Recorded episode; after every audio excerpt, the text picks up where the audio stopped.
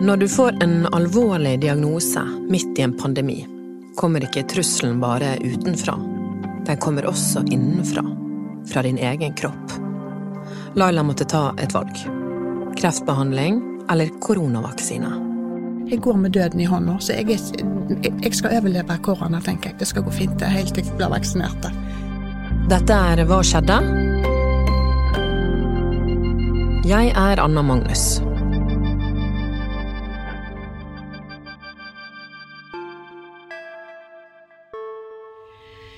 April 2020.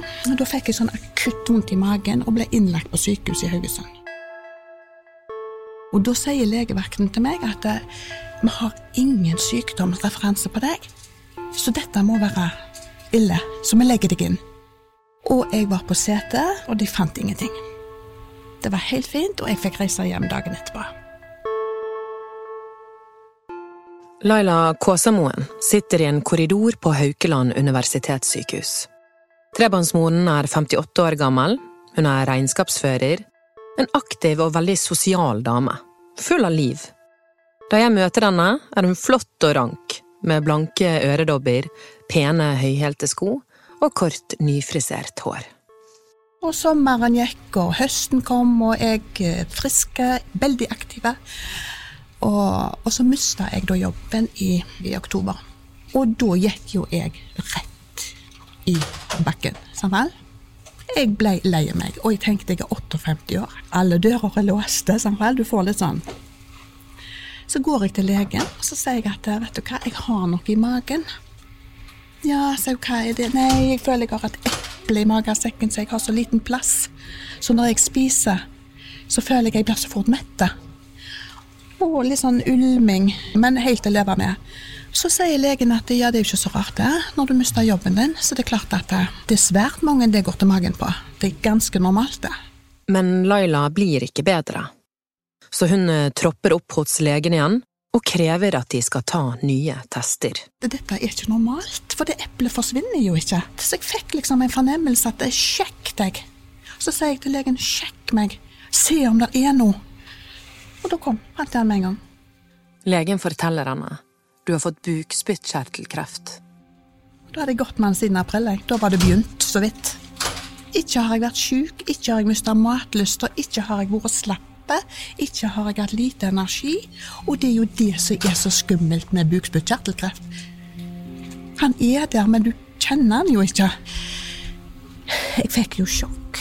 Altså hodet mitt stoppet å fungere. Jeg, jeg, jeg, det var akkurat som jeg var inne i en sånn boble. Jeg klarte ikke å tenke. Hva skal jeg si til ungene mine? Skal jeg dø? Eller hva Altså, jeg Du blir helt sånn eh, Det blir helt surrealistisk for deg.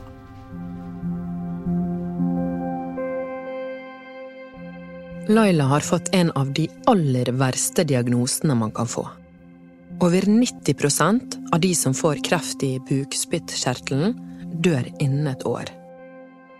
Men legen gir henne et lite håp. Et halmstrå som hun griper begjærlig. Kreften er lokal, og det er ikke spredning. Det er mulig å operere bort svulsten. Altså Alle som får en kreftbeskjed, eller alle, nå må jeg iallfall snakke for meg sjøl, så tenker du jo død. Sant? Du tenker ikke rasjonelt. Kreft død. Nå vel. Så det gikk iallfall ei uke, tror jeg, for jeg klarte å lande. Og så begynner du å tenke hvis at de finner noe i operasjonen da, som de ikke vet nå. Du blir litt sånn Men så tenker jeg, setter jeg meg ned og så tenker jeg, nå må du skjerpe deg. Nå må du puste. Og så tar du én dag om gangen, så skal dette gå fint. Så jeg er min egen psykolog òg, vet du.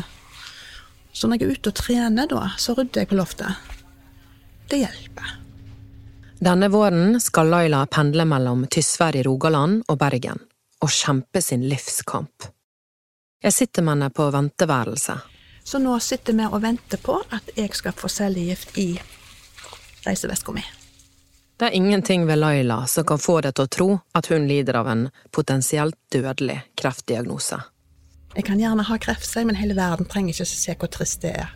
For du må ha selvtillit oppi dette her, her sant? og litt egenverd. Så får nå kreften kanskje et annet ansikt òg. Og jeg sier det, hvis jeg skal bli så sjuk av kreft at jeg ikke kan stå opp, så skal det komme ei og sminke meg. Er det en periode i livet mitt jeg skal pynte meg, så er det nå.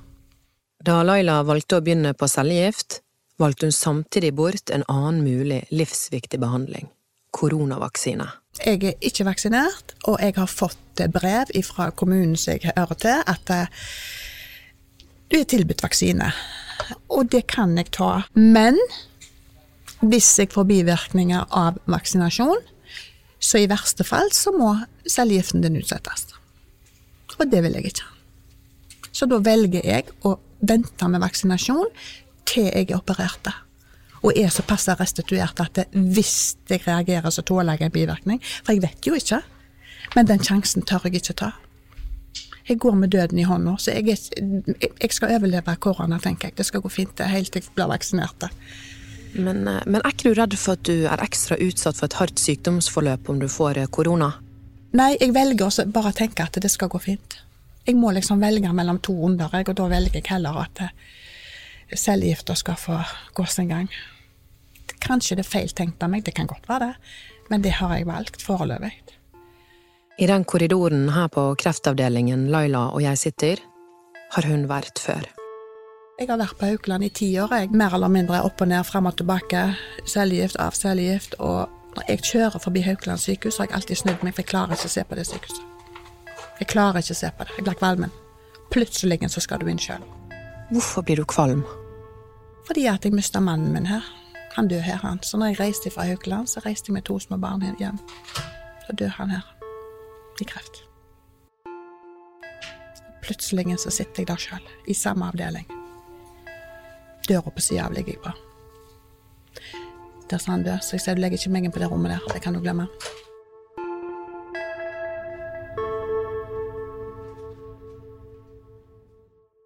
Når jeg hører Laila sin historie, så tenker jeg stadig hvor kommer denne kraften til å tenke positivt når livet har servert deg så mange knyttnever? Hvordan går man videre? Altså mentalt, når, jeg, når vi reiste fra Haukeland og pakket bagene våre, så var jeg inne og klappet han og, og, sa farvel, og vi kjørte hjem, så tenkte jeg OK, i morgen tidlig så skal meg og ungene spise frokost uten å se et sykt fjes. Bare friske folk. Ro og fred. Jeg var jo fulltidsstudent på HSH da når jeg ble enke. Da var jeg 32. Ungene var 12 og 9. Eh, sånn at hovedfokuset mitt var det var jo å få ungene på skole, altså mest mulig normalt liv, altså i, i, den grad du kan bruke det ordet der. Og at jeg sjøl skulle på skole. Jeg skal fortsette som før. altså Det nytter ikke å sitte her. Livet må jo gå videre. Men lett var det ikke. Det var knallvanskelig. Da Laila skulle tilbake på Haukeland den 18. mars i år, for å begynne sin første cellegiftkur, hadde hun ikke vært her siden mannen hennes døde. Jeg var livredd. Jeg var så redd. Og for det første så er det korona. For det andre så Jeg kjenner ingen. Jeg er kreftsyk. Jeg er ennå i sjokk. Og jeg vet jeg skal begynne å få gift i årene mine. Jeg sitter der alene. Og jeg tenkte herregud, nå kommer dråpene inn i årene. Ok, ja vel, nå dør jeg sikkert. Og så finner du ut at det er jo ikke noe å være redd for. Gifta her, det er jo det er jo min livreddende engel. Nå er det snart Laila sin tur. Til å gå inn på rommet hvor hun skal kobles til tre forskjellige poser med cellegift. Hun har vært gjennom det før og vet akkurat hvordan de neste dagene blir. Fantastiske følelser. For jeg er så høy, og jeg har så mye energi. Og jeg er ikke begrensa på noen ting. Ikke kvalmen. Og de bivirkningene jeg har, de vet jeg jo om. Jeg tåler ikke kulde de fire første dagene. Da må jeg drikke lunka ting, og jeg må ikke være kald på hendene. Men sett i min sammenheng, så det går helt fint. Så jeg er kjempeg når jeg får cellegift. Og reiser fra Bergen om fredagen, og akkurat som deg, kjenner det ikke en plass. Så kommer søndagen. Da flater jeg rett ut. Cellegiften forlater kroppen din etter 72 timer, den. Så to dager etter de har skrudd av kranen, da er jeg dårlig. Hvis presten kommer da og sier neste lørdag klokka seks skal du dø, så sier jeg ja, det er fint det. Så den dagen går. Og så kommer mandagen, så kjenner du at jøss, yes, litt mer energi i dag. Og så kommer tirsdagen, jøss. Yes. Så du kjenner liksom fra hver dag at du blir bedre og bedre. Og onsdagen er helt topp. Ja, ja, ja. Da kunne jeg tatt ny gift. Jeg kjemper min livs tøffeste kamp. På liv og død. Jeg har positive eh, tanker, og jeg er redd av og til, og jeg er lei meg av og til. Men det går fint. Jeg kan ikke klage, for jeg skal få leve. Jeg skal tross alt få lov til å leve. Så der er jeg. Jeg må ha det fokuset der. Men jeg uner ingen det, for dette er ikke penicillinkur, altså. Laila forteller at det er vanlig at folk som får en kreftdiagnose, trekker seg inn i seg selv og har vanskelig for å be om hjelp. Men det har Laila vært flink til. Hun har fått god støtte av kreftkoordinatoren sin hjemme i Tysvær.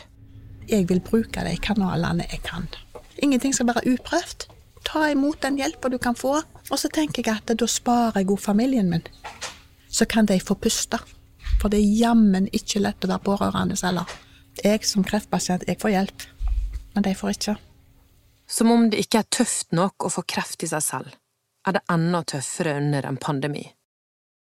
Vi har beveget oss inn i rommet hvor Laila har blitt koblet opp. Giften drypper inn i blodårene. Kreften min, den er vanskelig. Men koronaen er mye, mye verre. For hadde ikke vi hatt korona, så hadde du på en måte hatt et vanskelig liv med kreft, men hadde, du hadde iallfall hatt besøk. Altså Du kunne fått litt oppmuntring på det. Så det har vært eh, vel så gjennomgripende som kreften. Etter planen skal Laila opereres før sommeren. Om alt går som det skal, kan operasjonen redde livet hennes. Laila prøver å se fremover, finne noe å glede seg til. Forhåpentligvis så er jeg friskere og slipper seks etterpå operasjonen, og at jeg på en måte er ute i felten og kan jogge og reise litt på ferie. og Tenk meg en uke til Syden og tenkte at å, dette fortjener du.